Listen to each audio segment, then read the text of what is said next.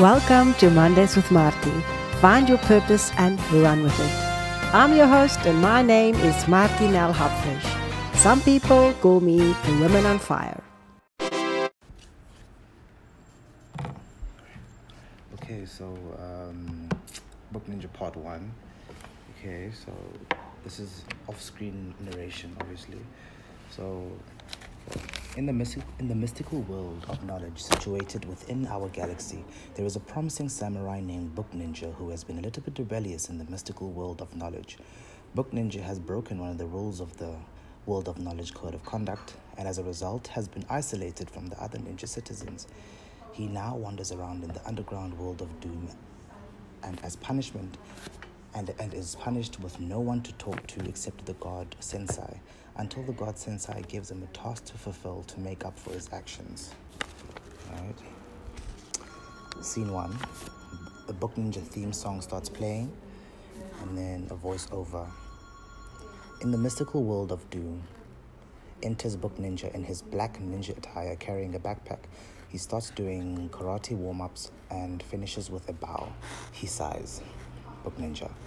I've been wandering around in the world of doom for so many days. I want to go home to my ninja society in the world of knowledge where all my friends and family are. I'm so lonely here.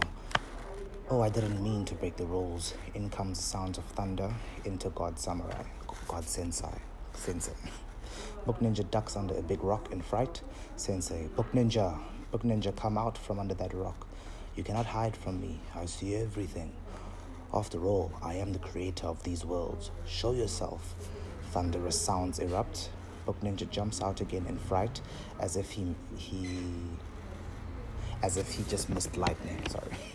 Book Ninja looks down and looks down and slightly keeps on lifting his head. Yes, master. It is time. Book Ninja, time. Time for what, God Sensei? You wonder why you've been attached to that backpack filled with books all your life? Now your time has come to fulfill your purpose as the Book Ninja.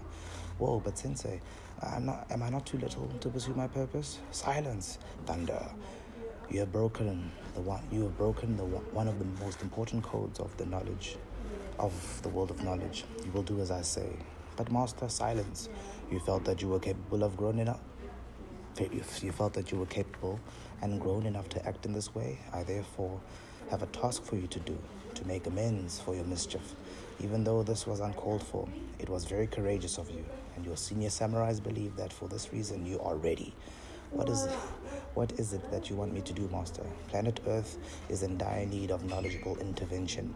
Children are the future of our universe. It is through passing on knowledge to them that we can ensure the positive growth of our galaxy. Your task is to take each child on a journey of enlightenment, which will encourage them to read with delight. I understand, Sensei. Now go, jump on this magical quilt and go and enlighten the children with knowledge. That's the first scene. Scene two. A boy sitting on a, sitting on the edge of his bed with a bedside table filled with books. Um, he has about 30 minutes left until his curfew. He is humming and singing and talking to himself and playing with his Book Ninja stuffed doll. His name is Vuyo, and he is eight years old. Um, Vuyo covers himself with a sheet and attempts to read a book under the sheets using a torch. Okay. And magically in comes Book Ninja, soaring or surfing or floating on a magical colored, colorful bed rug and lands on the floor in, in Sipe's bedroom with a big awakening thud. See, Vuyo exclaims in shock and confusion. Book Ninja, is this really you? Book Ninja is settling in and stretching out from the pain he obtained from the fall. Shh, yes, it's me. Vuyo's mom. Sipe, are you awake? Your 30 minutes is almost up. What's going on? Nothing, mom. I just dropped my bag. I'm still in bed. S- Um, sleep tight, my baby. My smani, which means switch off the light. Book Ninja, you're my superhero. How did you get here? Um, when, where, how, why? Why are you here? You are the chosen ones, Vuyo. You will have to join me on my journey of book enlightenment. Book Ninja joins Vuyo on his bed under the sheets with the torch on. He takes out a big visible book. Wow, I've never read a book this big. Well, are you ready to go on this journey and meet new people and see new places? Yes, story time. Let's go. Once upon a time. And then Vuyo goes, What? Who? When? Where? Why? How? Well, friends, let's read the book. And then the Africa, and, and then uh, Africa song starts playing. They land on a safari and meet the driver, tour, tour guide Mr. Cruz. The song finishes and they commence. Mr. Cruz is a jolly old man with a bubbly personality and is always smiling. Mr. Cruz. Book Ninja, I've been waiting for your arrival for so long. Book Ninja laughs. Um, who might you be, sir? Well, my name is Mr. Cruz, your driver and tour guide for your adventurous journey. And Mr. Cruz again. They're sorry, they're on they're in a safari area now. They're in like those safari trucks and yeah, okay. Mr. Cruz. And who's this lovely young boy you're with? He's my new adventure friend, Vuyo. Good to meet you, Vuyo. Good to meet you too, sir. May I ask, where are we? We're in the African safari. What are we doing here? Well, um, we, well, we, we're here, we're here to see and learn about the Big Five and the many other animals that walk the ecosystem. Book Ninja, how did we get here? You use your imagination, my boy. Those are one of the qualities you will learn and gain from reading books. Oh, cool. Yes, cool indeed. With a well read imagination, you can envision anything. Awesome. Book. book Ninja, take us to the safari. Book Ninja takes out the giant book and flips a page. The safari slash Big Five song starts playing. Ha!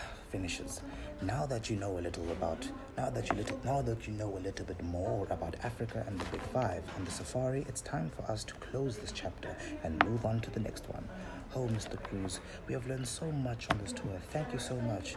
Yes, we have, and I hope our friends at home have learned something from this tour as well.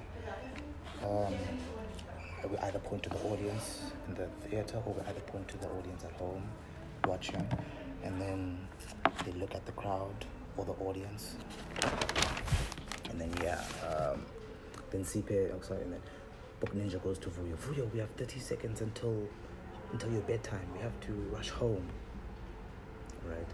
And then um, that's when I, I stopped writing because I'm still trying to like figure out the words. You're still writing? Okay. Book Ninja goes, Vuyo, we have 30 seconds until you get home. And um, Vuyo goes, oh no, what are we gonna do? Well, we have to jump on, we have, we have, we have to one more, once more, jump onto the magical bedrock in order for us to get home. Okay, okay, okay, then that's fine.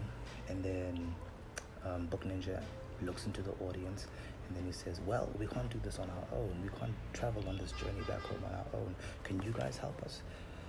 And then the crowd will respond, or there will be a silence, obvious, a uh, quick two second silence, and then they jump on, and then they sing one of the songs, um, soaring and um, having a movement all the way back to Sipe's bed. And then Sipe's mom, Sipe, is that you? Are you still awake? Yes, yes, mom, I'm still awake. Hurry up. No, no, no, no, no, no. It's past your bedtime now, boy. You have to go to sleep. Okay, mom. See, Paul, switch off the lights. Cool, mom. Book Ninja. Book Ninja. Huh, Book Ninja's gone. Okay, well, good night, friends. And he closes that first. The end.